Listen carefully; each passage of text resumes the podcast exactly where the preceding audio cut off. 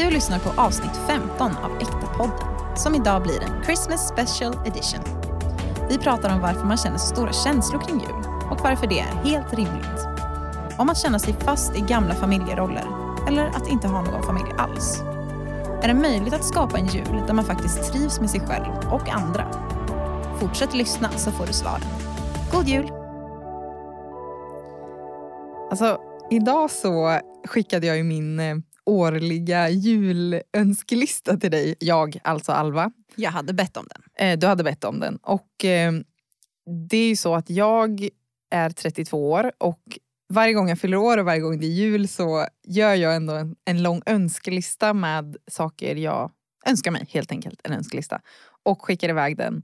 Och jag blir ju någonstans lite full i fniss för jag fattar... Full i fniss? Jättekonstigt. Underbart! Kör!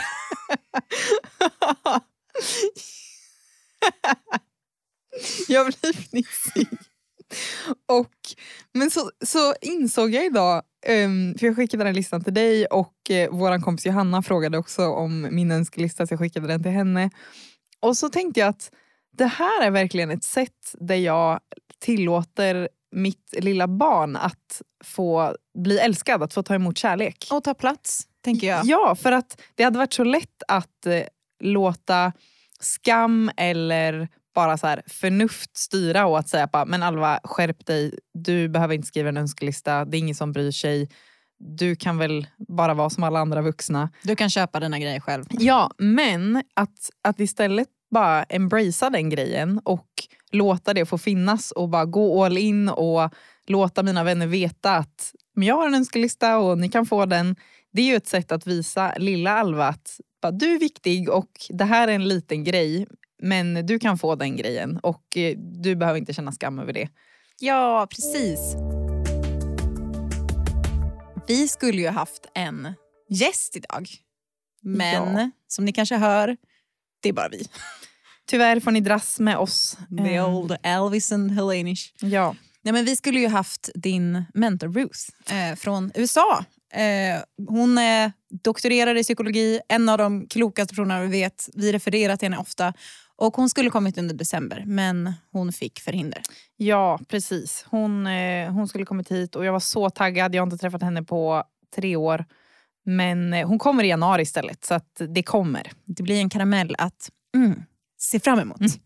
Men idag blir det istället Christmas special. Christmas special with Helenis and Elvis. Så ja, wow vilka namn. Vi, jag tänkte att vi skulle bara kasta oss in i lite julminnen. Ja, nice. Ge mig kanske jo men ditt bästa. Mitt bästa Eller julminne. ett Okej. av dina bästa. Okej, okej. Um, låt mig tänka. Jo, men mitt bästa, det här är faktiskt ganska lätt för det här känns som ett, ett sånt eh, minne som kommer upp ofta och som jag ofta berättar om.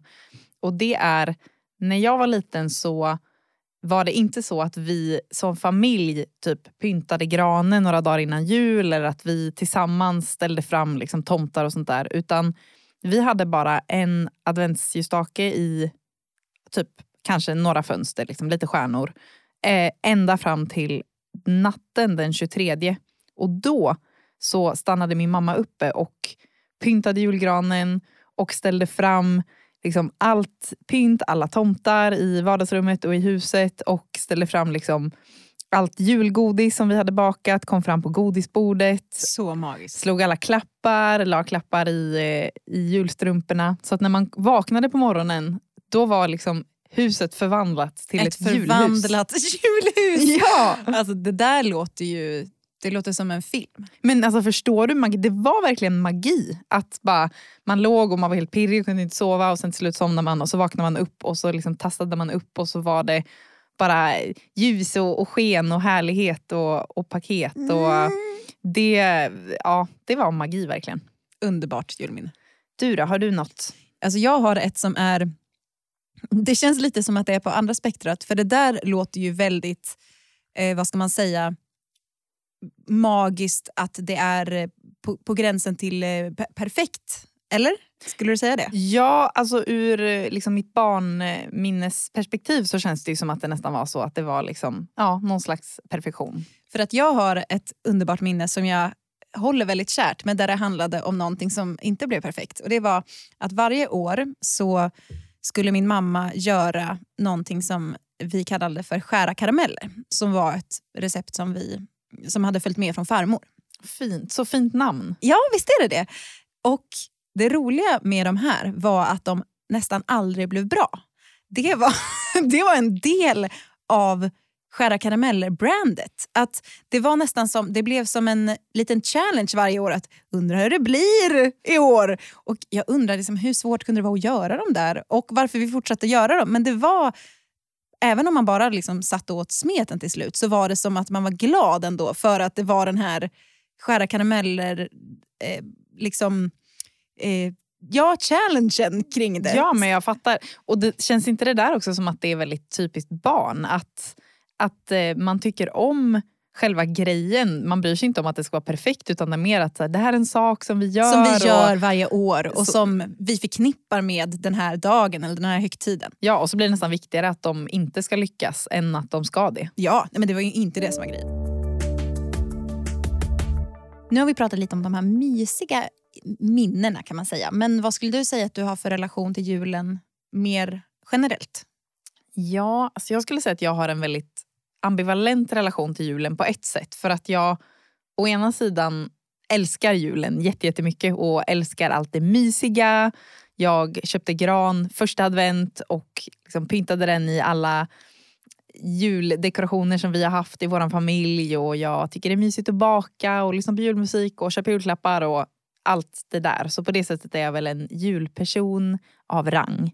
Absolut. Men sen så på grund av ja, men att mamma dog och allting som hände i vår familj efter det och hur det har varit kring jul så är det också en väldigt tuff tid eh, och känslomässig tid. Jag tror inte det finns någon annan månad på året där jag är så liksom, eh, Nostalgisk. nostalgisk, sentimental, glad, ledsen. Det bara drar upp allting eh, och trycker på mycket knappar och eh, påminner mig om mycket saker, liksom jobbiga känslor. Så att eh, väldigt blandat skulle jag säga. Eh, komplicerad relation till julen men, men jag tycker ändå att julen är liksom härlig i sin grund. Och så får de andra känslorna bara finnas på något sätt. Mm. Fattar. Själv då, vad, hur ser din relation ut med julen? Nej, men jag är också en julperson. Jag och eh, min kusin hade ett höstlov när vi var kanske 11 och 12. När vi, eh, vi var på vårt gemensamma sommarställe. Och vi fick en liksom, julknäpp. Alltså höstlovet det är ju det är ganska långt kvar till julen då. Men vi började skriva små berättelser som var så här. Jag vaknar upp. Utanför snöar det. Jag ser gatlyktans sken. och vi, vi, vi marinerade oss i julmys. Eh, bara längtade. ja, i längt. Mm. Eh, och så har jag alltid varit. Att julen har varit väldigt magisk och väldigt fylld med, med mening, eller vad man ska säga. Men med det sagt så har det också varit fyllt med mycket smärta och mycket Mm. tungt. Jag är uppväxt i en familj där det har funnits alkoholism och det är, det är en väldigt tung börda att bära som barn. Och det blir extra tydligt på julen, eller högtider överlag. Så det går inte att ha det vackra utan att också minnas och uppleva det tunga och det drömmar som krossades. Så jag skulle också säga att jag har väldigt blandad känsla inför julen. Mm. Det är säkert så många som kan relatera till det. Eh, både till din berättelse och till min berättelse och till känslan av att, att ha en komplicerad relation med jul. Och jag tänker att det är det som kanske gör julen så speciell. Att den är, det är en väldigt emotionell tid. Det är många som har mycket dubbla känslor. Att det är det här magiska men det påminner också väldigt mycket om sorg och smärta. Och jag tänker att det, det vill vi prata om idag. Hur håller vi dem eh, jämte varandra? För det blir lite dissonans gällande julen. Det är som att det skär sig för att det är väldigt mycket fokus på att allt ska vara vackert och mysigt och glädjefyllt. Och jag tänker på alla alltså julsånger som är liksom It's the most wonderful time of the year och Laughing and bla bla. Alltså att det ja, är men väldigt... Alla julfilmer också Ja. som bara är så här, på julen så bara löser sig allting och allting är magiskt. Och det känns som att den här mitt julminne, mitt julaftonsminne, det är på något sätt, det kapslar verkligen in den känslan som vi har kring julen eller så som vi tänker att julen ska vara. Ja, och så blir det en dissonans gentemot hur verkligheten faktiskt ser ut och hur ens relationer ser ut och vad man känner inför sig själv. Och då, Det är nästan som att det gör mer ont då. Hur, hur, ja, när det står i relation till det vackra. Ja, verkligen. Det, det blir liksom tydligt hur ont saker gör.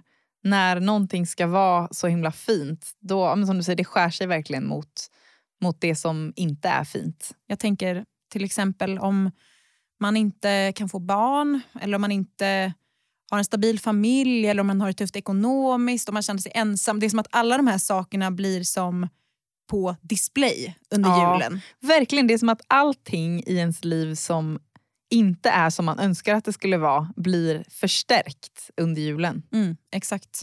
Mm. Och det finns ju... Det finns, känns som att det också finns så tydliga ramar kring hur en jul ska vara. På, lite på ett annat sätt än vad många andra högtider är.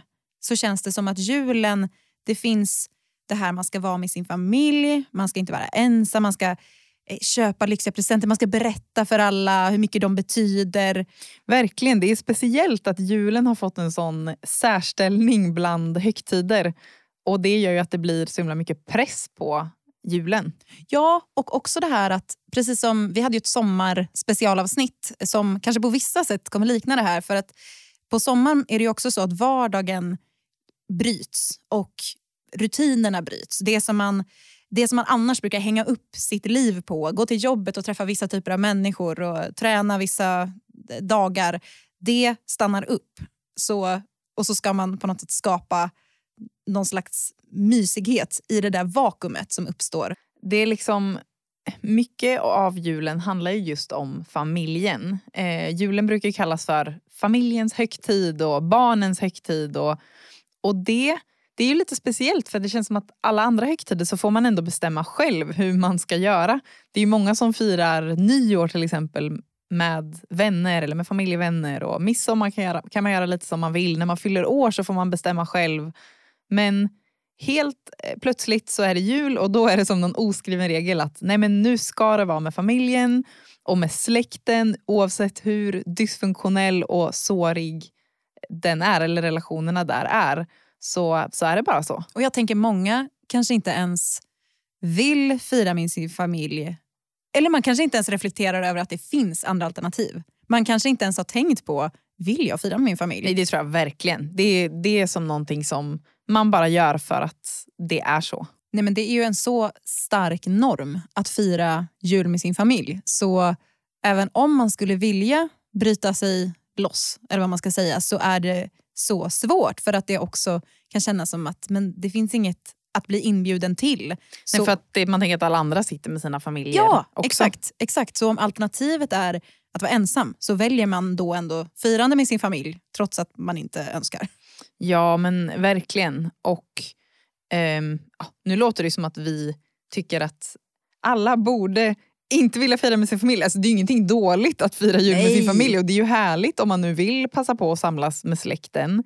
Och det är också så att det finns många familjer som verkligen har ett värde för att bjuda in andra och göra stora jular med mycket olika människor. Jag vet personer som säger att vi har alltid minst tre random personer Ja, vid våra julfiranden.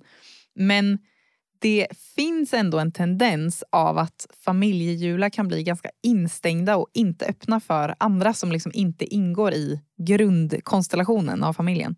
Ja, exakt. Så steget för den som vill fira på något annat sätt blir ganska stort om man jämför med andra högtider. Att hitta ett alternativt sätt att fira. Ehm, för alla har inte personer i sin närhet som de kan bli inbjudna till. Men okej, varför blir det då extra jobbigt att vara med familjen kring jul? Ja, alltså många kan nog relatera till den här känslan av att man kommer hem till sin familj, kanske speciellt om det är huset man växte upp i. Och så blir man som ett barn igen. Så fast man är 30 år, man har lägenhet, heltidsjobb, man kanske är i en relation, man kanske till och med har barn själv. Exakt. Så blir man typ åtta år. Men ja, exakt. Man blir så frustrerad. Ja, alltså det är liksom, man hamnar i de här gamla rollerna i familjekonstellationen. Man kanske alltid... Eh, men, till exempel, om man är hemma hos sig i sitt vuxna hem. Man städar jättebra hemma. Men när man kommer till familjehemmet så det, det går inte att sätta ner diskmaskinen. Det, det är som att man bara förlorat Det förmågan. gick inte. Nej, men verkligen, eller typ om du är yngst så måste du du kanske, har, du kanske är typ chef på ditt jobb eller bara har jättemycket auktoritet och mycket att säga till om. Men helt plötsligt så måste du kämpa för att bli tagen på allvar eller ens bli hörd. För att du känner att alla ser dig som ett barn fortfarande i din familj fast du är vuxen och kapabel. Ja men exakt. Och, eller ett annat exempel. När du var liten kanske du var blyg. Eh, du kanske försvann i samtalen och blev helt tyst när familjer har diskussioner. Det känns som att det är många familjer som har någon sån som försvinner eh, när, Drar sig undan lite. ja, Liksom. när det är många. Och nu när du är vuxen, du kanske har växt och du har börjat ta mer plats. Men när du kommer hem till julen så drar du dig plötsligt tillbaka och har ingen röst. Ja, men vad är det som händer då? Varför blir man som ett barn när man kommer till sin familj på jul? Vi tror att det är, eller vi är ganska övertygade om att det är att man blir triggad. Du, du, du. Vi har gjort ett helt avsnitt som eh, heter, jag kommer inte ihåg vilket nummer det är. Det Nej. heter Triggers, trigga, triggad, tror jag. Det är ganska tidigt. Lyssna på det, för där pratar vi väldigt mycket om triggers. Ja, men, men en slags recap är att du är med om saker, mm, eller du har varit med om saker när du var barn som vid upprepade tillfällen fick dig att känna dig missförstådd, osynlig, inte viktig, inte värderad och så vidare. Och vid de här tillfällena så blev du inte mött med empati och förståelse av de vuxna runt omkring dig som ska vara liksom dina trygga personer. Och ingen ställde sig vid dig och sa men det verkar som att du känner dig ledsen över det här. Jag ser dig, validerade det du kände och så vidare. Och då blir, eller, Ja, nej men, ja, men fortsätt. Hugg in. hugg in. Nej, men det som händer då är det som att det blir ett oläkt trauma. Ett sår som hänger sig kvar. Som hänger sig kvar i barnet i dig. Så det är som ett barnsår som finns fastän du är vuxen. Så när du sen är vuxen och är med om saker eller situationer som påminner om de här situationerna eller de här läkta, oläkta såren du fick som barn så kastas du tillbaka i en känslomässig flashback och du känner det som du kände då. Även om den här situationen är, det kan vara en minigrej. Det kan Ja. vara stora saker också men det kan också vara små saker. Ja men verkligen. Och alltså, det som är så viktigt att fatta när man pratar om triggers eller när man försöker förstå triggers det är att det är inte samma sak som att man bara kognitivt kommer ihåg grejer man var med om och, och liksom påminns om det och bara åh men jag blev ledsen när det här hände. Utan när man blir triggad så går hjärnan tillbaka till att vara ett barn som aldrig fick sin smärta bekräftad. Det är alltså mm, triggerhjärna, man kan ju prata om reptilhjärna eller olika hjärnor. Men, men det, är liksom, det är det som man måste ändå försöka påminna sig om. att eh, Det är som att det finns liksom en liten in, inkapslad eh, person som är kvar då i den här åldern och så kastas han tillbaka. Och det är därför man blir som ett barn, när man känner sig som ett barn. Ja, och det här kan ju hända i alla typer av relationer. Det kan hända i ja, men, avlägsna relationer som i trafiken när man plötsligt blir hur arg som helst för att någon eh, liksom, struntar i högerregeln. eh, men det händer ju ofta i nära relationer, i vänskaper eller i familjerelationer. Och oftast så triggas man nog mest i de relationerna som man hade när man var ett barn. Och det är ofta där de flesta triggers grundar sig i också, alltså i familjen. Om man eh, tänker då liksom att det här händer jättemycket redan kring julen. Att det är en känslig tid och det är massa ja, men bara man påminns om massa saker från sin barndom. Då är det inte så konstigt att man blir triggad när man hänger med sin familj kring julen. Inte konstigt. Det, och det är så lätt att bli hård mot sig själv när allt ska vara mysigt. Alla samlas och så blir man den här otroligt snäsiga, otrevliga versionen av sig själv. Och man känner bara, men ah, varför kan inte jag bara hålla tyst om mina åsikter? Eller varför blir jag alltid så hård mot min pappa? Varför kritiserar jag alltid min bror så mycket? Ja, alltså det är som att man får någon slags liksom, Tourettes och bara inte kan bara göra det som man vill göra eller vara den personen man egentligen är eller vill vara. Och Det är så intressant också för att jag tänker att ibland när jag är i såna där triggade familjesituationer så tänker jag alltså de skulle bara se mig när jag var min härliga person som jag är när jag är på jobbet. Eller Ja, är, det är liksom bara, den personen finns inte här. Nej, alltså typ jag är egentligen en snäll, uppmuntrande, vänlig vän. Exakt, men det syns inte här. Men det, konst, det är inte konstigt egentligen. För Nej. att det som händer är, du blir, du går tillbaka till att bli en liten åttaåring som hela tiden de dagarna går omkring och känner sig ständigt på sin vakt. Rädd att bli sårad, eh, rädd att, ja, men att det ska göra ont igen och då måste man skydda sig. Så det är inte konstigt att man sätter upp murar och faller in i de här försvarsmekanismerna som det ändå är. Nej, verkligen. Det är så förståeligt. Och alltså, som vi alltid pratar om när vi Alltid. pratar om att vara triggad så, så är det så att julen, som alla andra triggade tillfällen, kan bli ett tillfälle att se det här lilla barnet Eh, som finns inne i dig och möta henne eller honom. Alltså att artikulera för dig själv och kanske för andra runt omkring dig att bara, men jag förstår att det är tufft och jag förstår varför det var tufft för dig att alltid känna dig missförstådd och jag ser hur du kämpade för att bli hörd och du är så modig som vågade gå din egen väg. Eller liksom att jag förstår att det gjorde ont när ingen hejade på dig. Och vi, vi tycker att det här är så viktigt. Och ni kanske tycker att vi tjatar om empatin till det lilla barnet. Och jag kan verkligen känna ibland att så här, nu har jag väl ändå gett empati till henne. Hon har fått empati, empati nog. Det är klart! Nej, men att man känner att man vill vara klar med det. Men jag försöker, eller vi försöker tänka så här, att bli triggad, det är ett tecken på att man uppenbarligen inte är klar. Det behövs mer empati. Det finns fler oläkta sår som behöver mer kärlek. Så det är bara att fylla på. Ja, precis. Så länge hon eller han dyker upp, då får man väl bara fortsätta och se den lilla personen. Och inte heller göra det till en stor grej. Alltså komma bort från det här då att bli färdig eller som att det är något skamfyllt eller någonting att ens reflektera så mycket över. Utan snarare få in det som en rutin och bara, aha, nu blev jag triggad. Okej, just det. Ta ett djupt andetag. Vad är det jag behöver i den här situationen? Men en anledning till att man trots all dysfunktionalitet ändå väljer sin familj på julen det måste ju ändå vara för att vi har en så otroligt stark längtan efter tillhörighet. Vi vill så gärna vara en del. Och det är svårt att hitta något sammanhang där man hör till så självklart som man gör till just sin ursprungsfamilj. Så även om det är mycket som är skevt och gör ont så väljer man ändå familjen för att man har en plats. Absolut. Ehm, det, så tror jag verkligen att det är. Och alltså för mig så skulle jag säga att det jobbigaste kring jul egentligen inte har varit de här familjerollerna som det kanske är för många och som det kanske har varit för dig.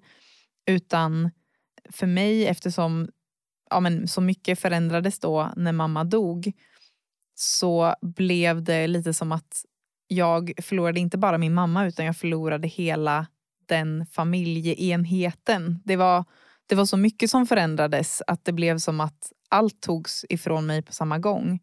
Och Det sp- splittrades. det splittrades och jag försökte länge att liksom hålla fast vid någonting som inte längre fanns. Och, och smärtan i det blev ju att det fanns liksom inte riktigt någonting längre att höra till. Eller det som jag hade hört till var inte kvar. Och därför så har det jobbigaste med julen för mig blivit och varit känslan av att inte höra till någonstans. Att inte ha ett givet sammanhang. Att kanske känna att men jag önskar att det i alla fall fanns en given plats. Även om det hade varit då triggat och jobbigt och jag hade blivit ett barn.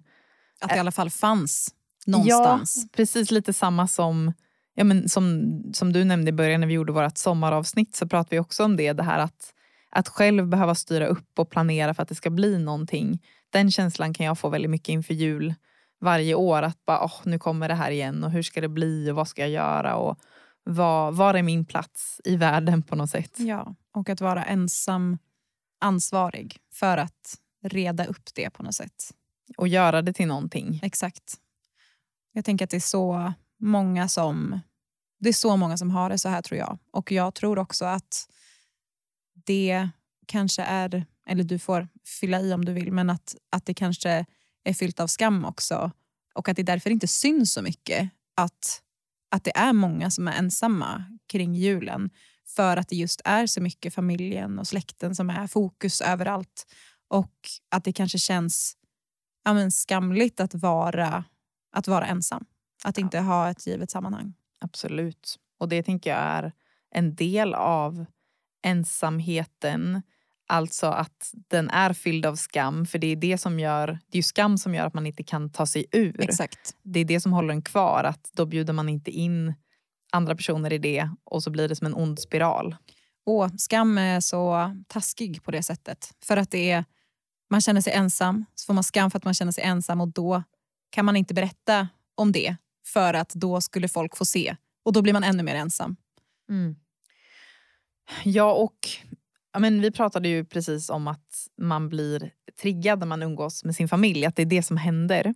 Men även i det här fallet, alltså när man inte umgås med sin, med sin familj utan man, man känner att det är jobbigt för att man inte har en tillhörighet eller man känner sig ensam. Då blir man också triggad fast omständigheterna ser ja, men ut på ett annat sätt. Ja, så det är ju, jag menar, det är ju inte konstigt att känna att liksom, det är tråkigt att inte ha planer. Det är tråkigt att, att det inte finns, eh, ja, att jag inte vet vad jag ska göra på jul. Men den här på något sätt bottenlösa känslan av jag är ensammast i världen. Den här hopplösa känslan, den kommer oftast från en mer triggad plats. D där din kropp och hela ditt inre barn blir påmint om alla de gånger genom ditt liv du har upplevt att du inte haft en given plats där, du, där folk inte frågade med dig, där du inte blev vald och inte var tänkt på, där du kände att du var exkluderad och inte önskad. Det är det som, det är det som dras upp. Ja men precis och det behöver ju inte vara att du att din förälder har dött eller att din familj fa faktiskt har försvunnit utan det kan ju vara att dina föräldrar skilde sig när du var barn och din pappa eller din mamma träffade någon ny, det blev en ny familjekonstellation Verkligen. som du aldrig kände dig riktigt hemma i. Eller ja, men att du bara inte kände dig sedd i din familj. I din egen familj. Precis, Exakt. Så det kan ju bero på tusen olika saker. Men, men det här gör ju att även om julen utifrån egentligen skulle kunna ses som okej, okay, det här är tre dagar i ens liv. Um, och man kan välja att spendera dem hur man vill. Man kan typ sova bort tre dagar och titta på serier. Men mm, så symboliserar de här dagarna så mycket mer. Uh, och då kan man ju lättare kanske förstå varför det blir så stora känslor. Men varför tjatar vi så mycket om att vara triggad? Vi pratar ju alltid om det. Vad spelar, det, vad spelar det för roll om man är triggad eller inte? Varför, varför är det viktigt? Jo men det är viktigt för att om man är triggad så kommer lösningen på liksom, situationen se annorlunda ut än om det bara var ett yttre problem. Alltså att vara triggad, det vittnar alltid om ett inre sår. Och då behöver man ge empati.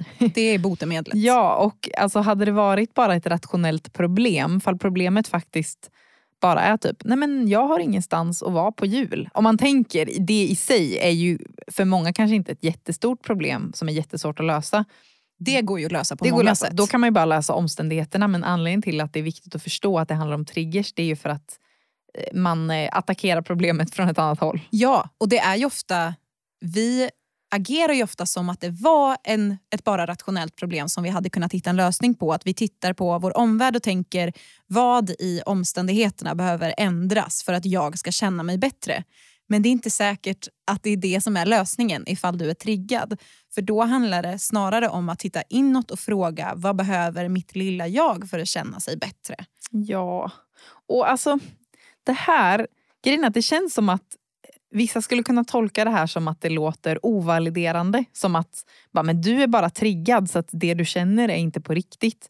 Det spelar ingen roll för du är bara triggad. Du behöver inte bry dig. Om... Nej, nej men exakt. Men, men vi tänker ju att det är mer validerande för att alltså, om man tänker på, på det då. Bara, om man skulle titta på mig då. Okej okay, men du är en vuxen person. Du har massa vänner. Du har ett hem som är jättemysigt och juligt du har pengar så du kan köpa mat. Alltså jag skulle väl bara kunna ha en härlig julvecka eller julhelg. Eh, och då skulle ju det kunna vara på ett sätt, ett sätt att inte validera då. Men om man förstår att nej men, det handlar ju om andra saker. Det handlar, det handlar om, inte om det där yttre, att du har ett fint hem och liksom allt det där. Nej, eller att bara jag vill ha någon fysisk plats att vara på. Utan det handlar om att här, nej, men det är liksom ett rop från mitt lilla barn som ja. bara frågar bara, men får, liksom, får jag finnas någonstans? Är jag hemma någonstans? Då kan man ju förstå och förstå varför det blir stora känslor. Så det är ju ett sätt att faktiskt validera mer och inte mindre. Ja, exakt. Validera det som det faktiskt handlar om. Och kanske känns det här lite deppigt nu. Nu har vi pratat julen fylld av dysfunktionella familjehäng, fylld av ensamhet. Härligt. Härligt. Bjällerklang. God jul. Men vi tänker att bredvid allt det här som är svårt så kan man faktiskt skapa en jul som känns, som känns fin och där du framför allt där du tar tillbaka makten över ditt liv. Ja, verkligen. Framsidan av att förstå sin historia och förstå varför saker är jobbigt och vad det är som händer, det är ju för att man då lättare kan se en väg framåt. Man kan se vad som kan förändras. Exakt. Vi har pratat mycket om offermentalitet och det är någonting som man inför jul absolut kan gå in i. Antingen min familj kommer alltid vara så här svår och jobbig och jag har inget annat val än att fira med dem och jag kan inte ändra sättet vi firar på för de kommer aldrig vilja det. Eh, jag är fast. Ja, verkligen. Eller bara, jag har ingen familj att fira med. Um, och det kommer alltid vara så tills jag får en egen familj. Jag kan inte göra någonting för att min jul ska se annorlunda ut. Just nu. ja. Men eh, surprise, vi tror att det finns saker man kan göra. Vi tror att man kan förändra. Exakt. Nej, men vi tror att det finns möjligheter att skapa en jul där man trivs mer i sig själv.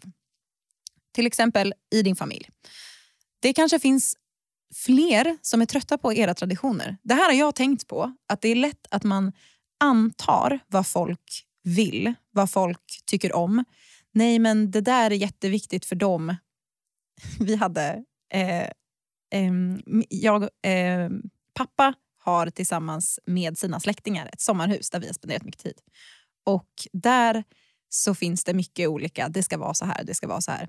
Och så var det en inredningsgrej som vi skulle ändra. Men så var det en person som var väldigt eh, nojig över det och sa nej men jag tror att den där och den där personen kommer tycka att det inte är bra om vi ändrar på det här. Och så visar det sig att vi hade kollat med alla dem. Alla tyckte det var okej. Det var ingen som brydde sig Det var ingen grejen. som brydde sig. Och det här är lätt hänt även vid jul. Att man tänker nej men de här traditionerna är jätteviktiga för alla andra. Men det kanske är så att faktiskt fler hade kunnat tänka sig att göra någonting annat.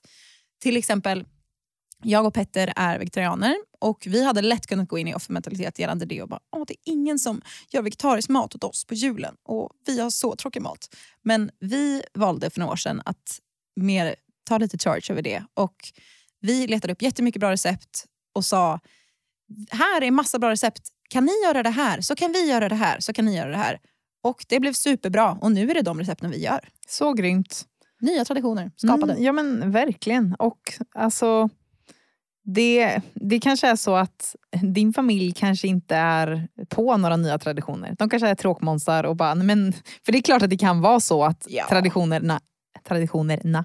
Traditionerna är superviktiga för alla. Men du har fortfarande saker du kan göra som inte inkluderar andra personer. Till exempel sätta gränser för dig själv. Det kan ju vara så att du alltid har åkt hem typ hela julledigheten, alla juldagar och några dagar före och några dagar efter.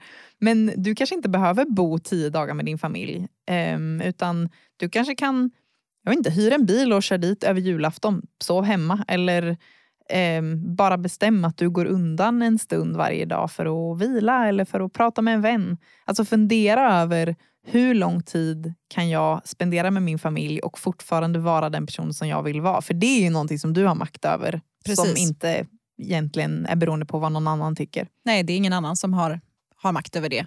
Och En annan grej som, som vi har pratat ganska mycket om är undra hur det skulle bli om man firar, låt säga att man firar jul i samma stad som några vänner. Tänk om man hade under någon stund under julafton kunnat mötas upp med sina vänner, gå på en julgudstjänst eller gå på en julpromenad och göra någonting, någonting nytt som inkluderar vänner. Det hade varit så fint att få in det. Verkligen. Bara tänka utanför boxen av att hela julaftonen måste vara 100% vigd åt att sitta hemma och vara med sin familj. Ja. Om man inte vill det. Man Precis. får det om man vill också. Men vi bara ger options.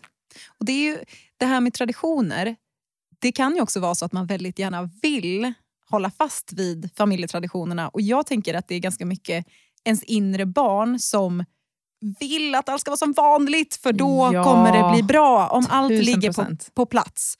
Men här är en utmaning till alla oss att försöka ha lite mer, lite mer low stakes kring traditionerna för att då kanske du kan stanna kvar i dig själv och vara vuxen och otriggad. Och det där tror jag är så sant. Alltså jag tänker verkligen på mig själv efter mamma hade dött när jag var 15 ja. och bara försökte på alla sätt att vara, på något sätt fylla liksom hålet av henne och bara men jag går upp och typ gör julgröten, jag mm. pyntar på precis rätt sätt. Jag blir den som istället då ska göra allting. Fast det handlar ju inte om det. Jag kunde ju inte liksom, få tillbaka henne eller få det att kännas på rätt sätt bara för att jag gjorde alla de grejerna. Nej, det men jag tänker att, det. Nej, det handlar inte om det. Men, men det är lätt att tänka att det gör det.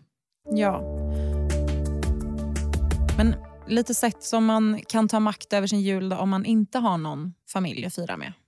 Ja, alltså, och jag, jag har ju verkligen en familj. Det låter som att jag inte har en familj och det har jag ju. Men, men jag, när jag var 21, tror jag att det var, eh, så, så valde jag att eh, liksom sluta fira med min familj på grund av att jag kände att det hade varit ändå några jular som hade varit väldigt jobbiga och eh, som inte kändes nice. Det var massa olika omständigheter som gjorde att jag bestämde att det känns inte värt för mig utan det känns bättre att bara göra på ett annat sätt. Och det var ju ett aktivt val, att välja någonting annat och liksom sätta mig själv i en situation där jag kunde må bättre över julen. Um, eller under julen. Um, och alltså, jag kan på ett sätt tänka att det är klart att det fortfarande är en sorg för mig att den liksom, eh, konstellationen, grundfamiljen, inte finns längre och att det har blivit eh, på det sättet det har blivit. Men det som det har gett mig är ändå en frihet att själv råda över mina jular. Jag tror att många inte känner den friheten utan man känner sig fast i att man ska fira med sin familj fast man kanske, eller bara fira på ett sätt som man inte själv vill. Att man känner sig väldigt maktlös. Men, men jag känner att jag kan ändå bestämma hur jag vill att det ska se ut. Ja, precis. Och det finns ju... Alla har ju verkligen olika utgångspunkt. Och det finns ju de som kanske aldrig har haft en familj eh, som inte har haft något val kring det. Och vi vill verkligen inte förminska det, eh, för det måste också ha varit, eller måste vara smärtsamt. Ja, verkligen. Och ja, alltså jag känner bara när vi pratar om det här, på tal om, som du sa i början, att det kan vara så himla skamfyllt att eh, att prata om ensamhet kring julen och prata om liksom, otillhörighet ja. så känner jag att bara, ah, typ, det, känns, det känns lite skamfyllt eller det känns liksom som att det är lite sårbart. Vilket är så konstigt för det är ju inte som att det är mitt fel eller som Nej. att det är någons fel. Men jag har verkligen firat jul på massa olika sätt under de senaste 12 åren med många olika personer. Alltifrån släktingar i andra länder till pojkvänner, vänner, eh, typ volontärsatsningar.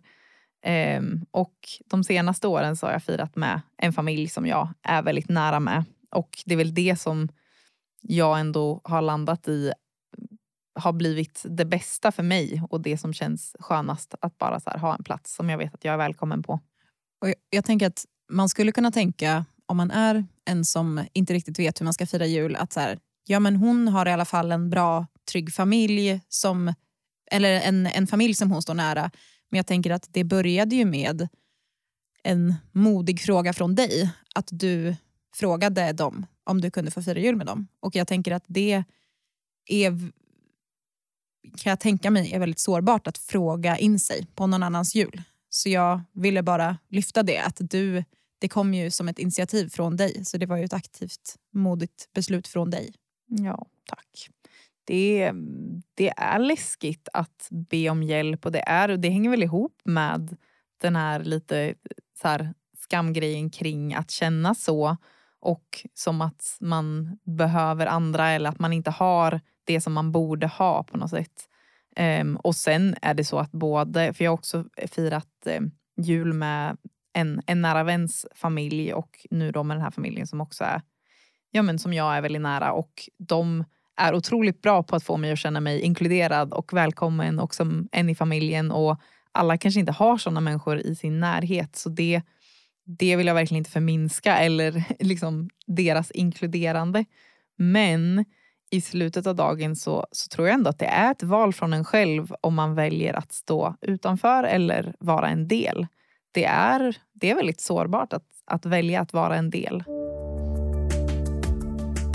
Ja, för att det känns som att julen, både genom det här och julen överlag, bäddar för väldigt mycket förväntningar. Man kommer med mycket i sin hand på något sätt. Och då finns det också risk för mycket besvikelse eller att bli avvisad på ett eller annat sätt. Ja, de hänger ju verkligen ihop. Det gör de verkligen. Och det är också lätt att känna sig modfällt nu när vi har pratat om man har gjort massa aktiva val, man har kommit med nya förslag till ens familj och så blir det ändå inte som man har tänkt sig. Eller så har man vågat bjuda in sig till ett julfirande och sen på julafton så sitter man där med dem men man känner sig bara utanför. Och Det är verkligen så lätt att bli besviken för att förväntningarna de är så höga och man har lagt in någon typ av effort och man har lagt in en bit av sig själv. Och då, då är det så himla lätt att man blir avstängd. Att ja. man någonstans i sig själv går till att nej men det, det spelar ingen roll hur julen blir. Jag bryr mig ändå inte så mycket. Jag tycker det är skönt att jobba på jul och eh, jag ska bara sitta hemma och typ cancellera julen. Exakt. Eh, eller om man ska fira med sin familj att man förutsätter då på förhand att nej, men det kommer inte bli nice alls. Det, vi kommer inte ha några trevliga samtal. Man, det blir den här bekräftelsegrunden som vi pratat om tidigare. Att det som man letar efter blir det man hittar. Precis. Och det är ju det är ju för att det är som en försvarsmekanism för att inte bli besviken, för att inte bli sårad. För det gör ont att bli besviken. Men vi tänker att man kan hålla, förhoppningsvis, det är vårt mål i alla fall, att man ska kunna hålla de här två känslorna eller två eh, sakerna jämte varandra och balansera dem.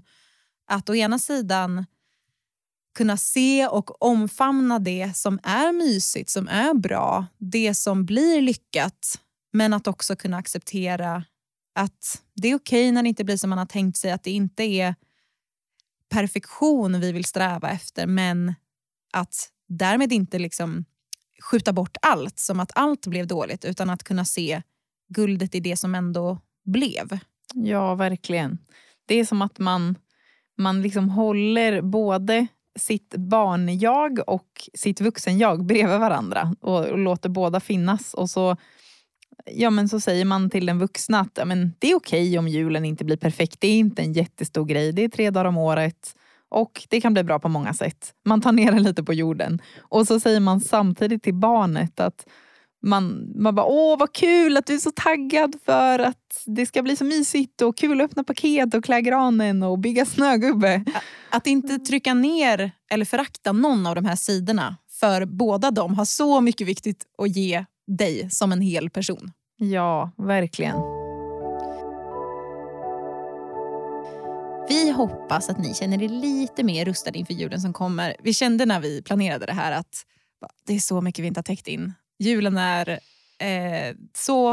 Eh, ja, det finns många bottnar. Men ja. vi hoppas att, att ni har fått någonting som kan ge er, eh, ge er lite hopp inför julen. Ja, det finns hopp. Och jag kommer också att tänka på nu, på tal om jul och familj och, och sådär, för jag fick ju en brorsdotter för tre ja! månader sedan. Bibi, världens gulligaste barn. Fina Bibi. Och eh, i och med lite att, eh, att min bror och hans eh, sambo fick henne och, och sådär. Och ja, men bara lite de senaste åren så är det mycket som, som har förändrats. När de har fått lite sin egen familjeenhet. Och det har gjort att vi har startat en ny tradition där vi som syskon ses på annandagen och firar tillsammans och hänger några dagar. Och det hade jag aldrig kunnat gissa för några år sedan. Eller se framför dig. Nej, så att det finns verkligen så himla mycket hopp i att saker förändras och livet går framåt. och Vi kan inte alltid veta hur det ska bli men man kan någonstans ändå lita på och eh, liksom haka fast sig i tron att det kommer bli bra. Jättebra. Och med det säger vi god jul och gott nytt år. God jul. Vi ses igen 2023. Crazy.